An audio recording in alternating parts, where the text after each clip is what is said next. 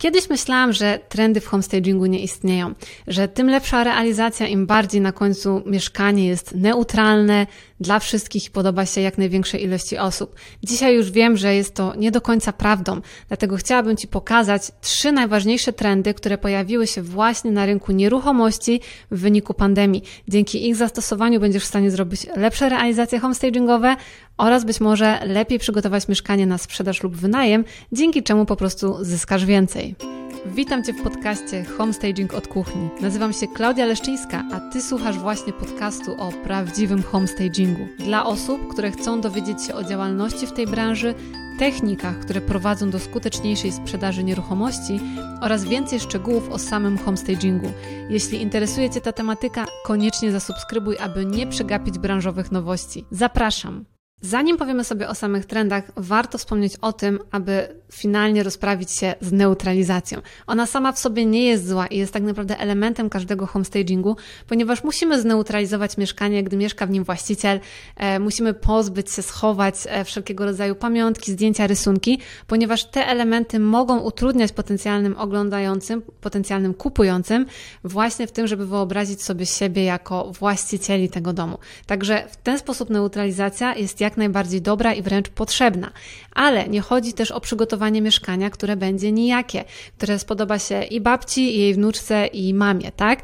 Chodzi o to, żeby to mieszkanie spodobało się tym osobom, które faktycznie mogą być zainteresowane zakupem mieszkania, a więc konkretnej grupie docelowej. Także zanim zaczniesz stosować jakiekolwiek trendy, sprecyzuj grupę docelową. Pomyśl o tym, dla kogo dane mieszkanie będzie najbardziej adekwatne, kto będzie nim najbardziej zainteresowany.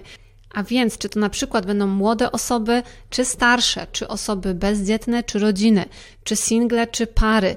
Można w ten sposób bardzo dobrze uszczegóławiać właśnie konkretne osoby, tak żeby finalnie nam powstała z tego konkretna grupa docelowa. Jakie ona ma upodobania, jakiej lokalizacji szuka, e, czego oczekuje od mieszkania. To wszystko jest bardzo istotne, ponieważ właśnie sprofilowanie grupy docelowej wpływa na to, jak potem przygotowujemy dane mieszkanie. Inaczej przygotujemy je na przykład dla młodego menadżera, singla, który będzie e, na przykład poszukiwał nowoczesnych wnętrz, a inaczej dla starszej osoby, która będzie jednak wymagała klasyki i ciepłych barw we wnętrzu. Myślę, że to jest proste. Dlatego zanim zaczniesz myśleć o trendach, pomyśl o ludziach, pomyśl o tej grupie docelowej. Przejdźmy zatem do konkretnych trendów, które pojawiły się właśnie w związku z pandemią. E, my, jako osoby, które przeżyły pandemię, przeżyły jej początek i jej rozwój, mamy w sobie zakodowaną tak zwaną pamięć pandemiczną. Trochę jak osoby po wojnie, które pamiętają, że jednak takie wydarzenia miały miejsce, tak samo jak my pamiętamy zamknięcie w domu, puste półki w sklepach po tym, jak ludzie zaczęli zaopatrywać się w różnego rodzaju zapasy i wiemy, że nie jest to abstrakcją.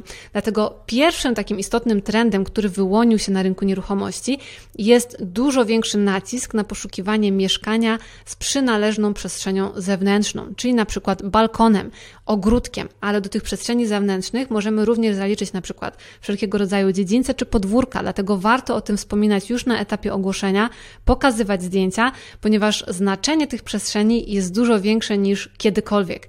Do tego stopnia, że jedna z moich kursantek przygotowała mieszkanie na sprzedaż, aranżując wyłącznie balkon. Ewa Lachowska miała 300 zł do dyspozycji i cały ten budżet przeznaczyła właśnie na zaaranżowanie balkonu, na podkreślenie właśnie jego istotności, e, jego potencjału. E, także możecie to zobaczyć na zdjęciach, jak było przed, jak było po.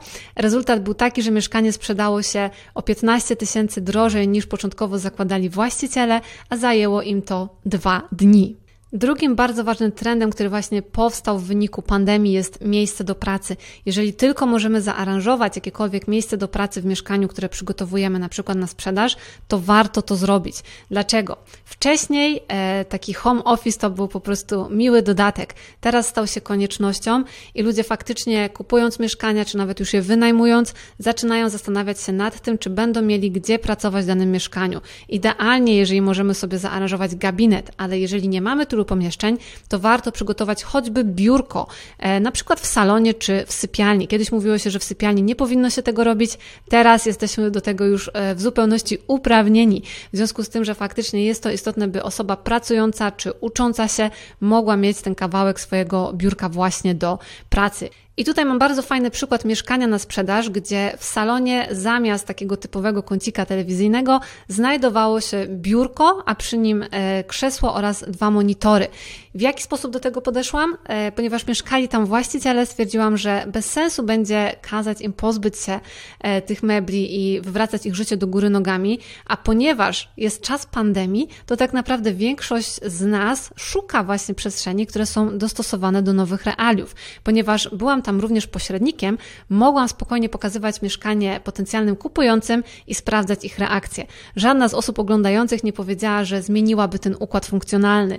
Mimo, że pokazywaliśmy potencjał, w jaki sposób można to zmienić na układ bardziej klasyczny, każda z osób oglądających mówiła, że jeżeli się zdecyduje, to sobie zostawi ten układ, ponieważ jest to bardzo fajne rozwiązanie. Dlatego warto przyjrzeć się mieszkaniom, które aranżujemy i wygospodarować choćby kawałek blatu, biurka, czy jakieś konkretne miejsce, w którym będzie można popracować. I przechodzimy do trzeciego trendu, a więc podział pomieszczeń. Po pandemii odrębne pomieszczenia są tak naprawdę na wagę złota, podczas gdy wszyscy domownicy są zamknięci w jednym mieszkaniu przez tyle godzin, każdy z nich próbuje zająć się czymś innym, gotowaniem, pracą, nauką czy zabawą. Bardzo istotne stało się właśnie ta możliwość odseparowania się od reszty domowników. Więc jeżeli możemy chociażby y, zastosować mobilny podział, warto z tego korzystać. Na przykład regały, specjalne mobilne separatory czy przeszklenia dają dają już poczucie takiego odseparowania się od reszty domowników, poczucie prywatności, komfortu, że możemy skupić się albo chociaż próbować skupić się na rzeczy, którą w tym momencie robimy. Także warto też na to spojrzeć, ponieważ metraż już przestał być aż tak istotny jak wcześniej. Bardzo duże znaczenie ma również samo zagospodarowanie przestrzeni, podział na konkretne pomieszczenia. Dlatego nie musimy teraz wybudowywać ścianek oddzielających w salonie kuchnię właśnie od reszty części dziennej.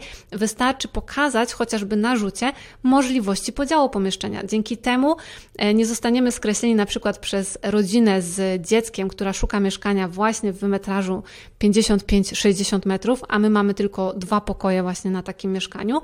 Możemy pokazać właśnie możliwości podziału, dzięki czemu rozszerzymy sobie grupę docelową, która faktycznie będzie zainteresowana zakupem danego mieszkania. Większy nacisk na przestrzeń zewnętrzną, miejsce do pracy czy na podział pomieszczeń to tylko trzy trendy, które omówiłam, a jest ich przynajmniej 8 razy więcej. Jeżeli chcesz dowiedzieć się więcej na temat trendów w homestagingu, jak one działają, w jaki sposób mogą Ci pomóc w zdobyciu przewagi konkurencyjnej czy przygotowywaniu bardziej zyskownych realizacji, koniecznie kliknij w link homestagingtrendy.pl, by dowiedzieć się więcej na ich temat.